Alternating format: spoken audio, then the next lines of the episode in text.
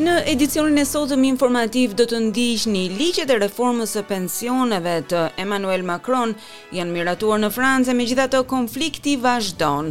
Personi i akuzuar për bërjen publike të dokumenteve të klasifikuara të ushtrisë amerikane del përpara gjykatës dhe në ligën e rugbit Manly Sea Eagles fiton ndaj Melbourne Storm në Sydney.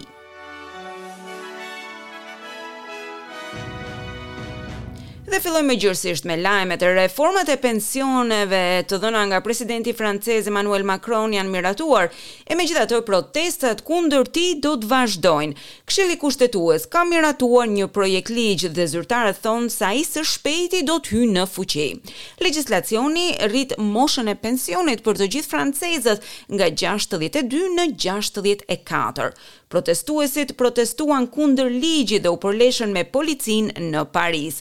Udhëheqësja e sindikatës CGT, Sophie Binet, thotë se sindikatat për herë të parë që nga Lufta e Dytë Botërore kanë bërë thirrje për të gjithë punonjësit që të demonstrojnë në datën një maj, në mënyrë që qeveria e Macron të tërhiqet nga këto reforma.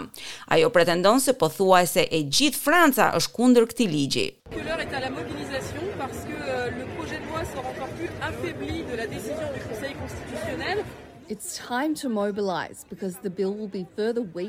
Ka ardhur koha për t'u mobilizuar, sepse projektligji do të dalë përpara Këshillit Kushtetues dhe ligji nuk është votuar nga parlamenti, e gjithë Franca është kundër tij. Përveç kësaj, Këshilli Kushtetues ka censuruar gjashtë nene. Ligji është më i pabalancuar e më i dhimbshëm se kurrë, tha ajo. Një punonjës njëzet e një vjeçar i Gardës Kombëtare të Forcave Ajrore të Shteteve të Bashkuara të Amerikës është akuzuar për publikimin e dokumenteve të klasifikuara ushtarake, e ai u paraqit zyrtarisht përpara gjykatës. Në seancë u akuzua për mbajtje dhe transmetim të paautorizuar të dokumenteve apo materialeve të klasifikuara, Ai përballet me dhjetë vite burg për akuzën e parë dhe maksimumi pesë vite burg për akuzën e dytë të transmetimit të materialeve të klasifikuara.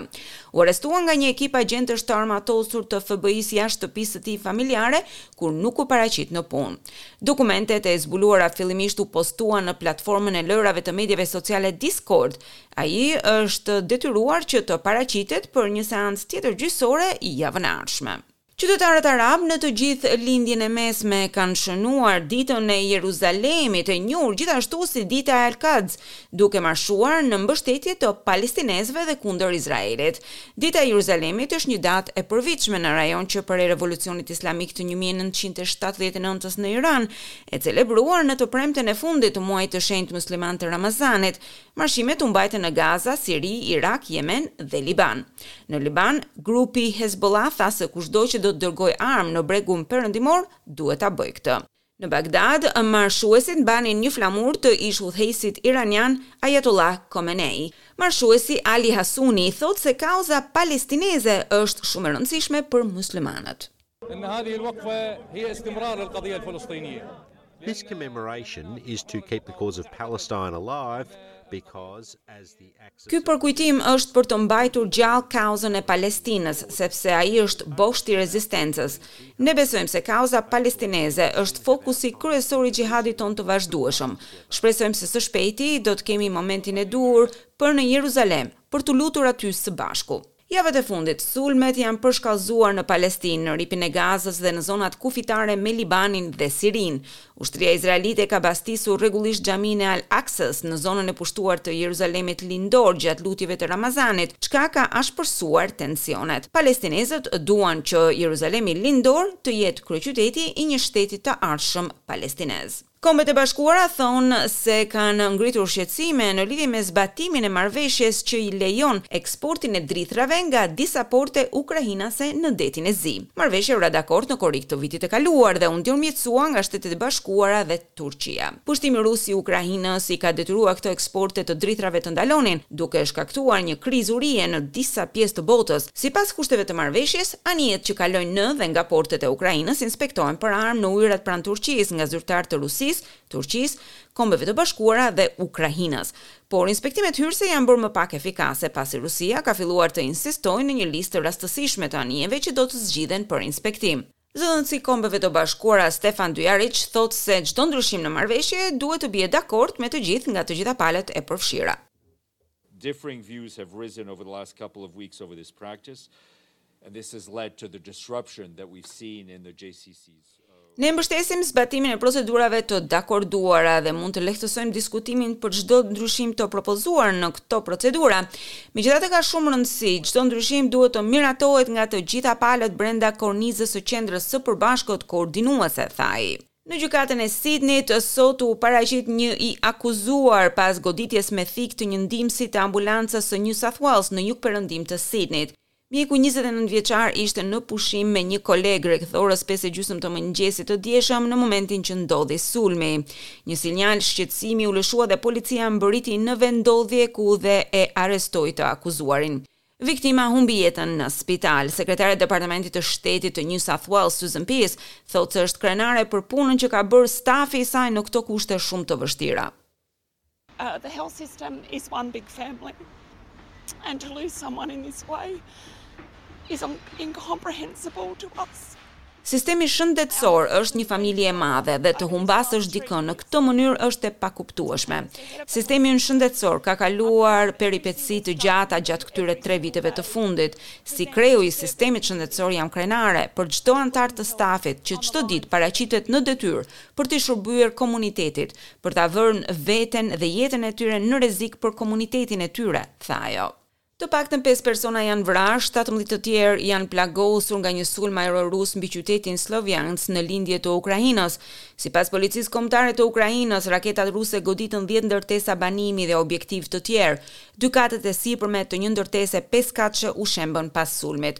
Trupat ukrainase janë detyruar të tërhiqen nga disa pjesë të qytetit Bakhmut, pasi forcat ruse ndërmorën një sulm të ri në këtë qytet të shkatërruar nga lufta. Njoftimet nga ushtria britanike thonë se ukrainasit ende kontrollojnë pjesët perëndimore të qytetit, por dy ditë më parë ishin sulmuar ashpër nga zjarret e altilerisë ruse.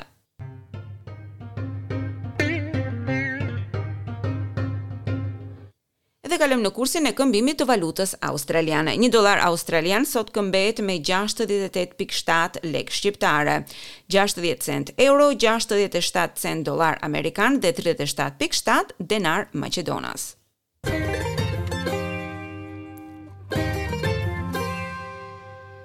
Kalojmë në sport, edicioni i këtij turneu të Monte Carlos vazhdon të prodhojë surpriza pas eliminimit të ditës së enjte të numrit një të botës Novak Djokovic në ditën e pestë të aktivitetit në këtë principatë.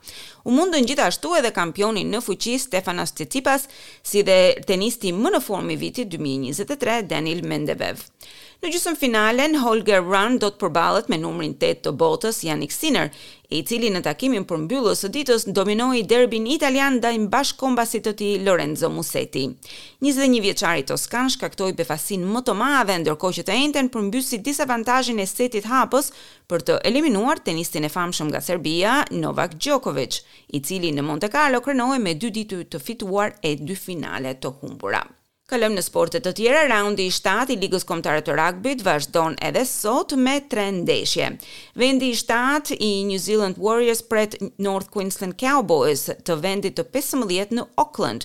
Dy herë kampion në mbrojtje, Penrith Panthers vizitojnë Newcastle Kings, ndërkohë që Brisbane Broncos, të pozicionuar në krye të tabelës, do të kërkojnë të rikthehen pas humbjes së parë të sezonit javën e kaluar, kur të përballen me Gold Coast Titans. Ndërkohë që mbrëmë Manly Sea Eagles fituan në një fitore befasuese tetëmbëdhjetë me tetë ndaj Melbourne Storm në Sidni. Dhe kalojmë në parashikimin e motit. Sot nëpër qytetet australiane u regjistruan këto temperatura: Sydney 13-24, Melbourne 16-20, Brisbane 15-28, Perth 10-21, Adelaide 15-20, Canberra 6-21, Hobart 11-21, Darwin njëzet e pesë, tridhjetë e dy gradë Celsius. Për nesër Byroja e Parashikimit të Motit sjell këto temperatura, Sidni tetëmbëdhjetë, njëzet e gjashtë, Melburn dymbëdhjetë, shtatëmbëdhjetë, Brisbën shtatëmbëdhjetë, tridhjetë, Perth trembëdhjetë, njëzet e dy, Adelaide njëmbëdhjetë, tetëmbëdhjetë, Canberra dhjetë, gjashtëmbëdhjetë, Hobart dymbëdhjetë, shtatëmbëdhjetë, Darwin njëzet e pesë, tridhjetë e një gradë Celsius. Ndoqët edicionin informativ.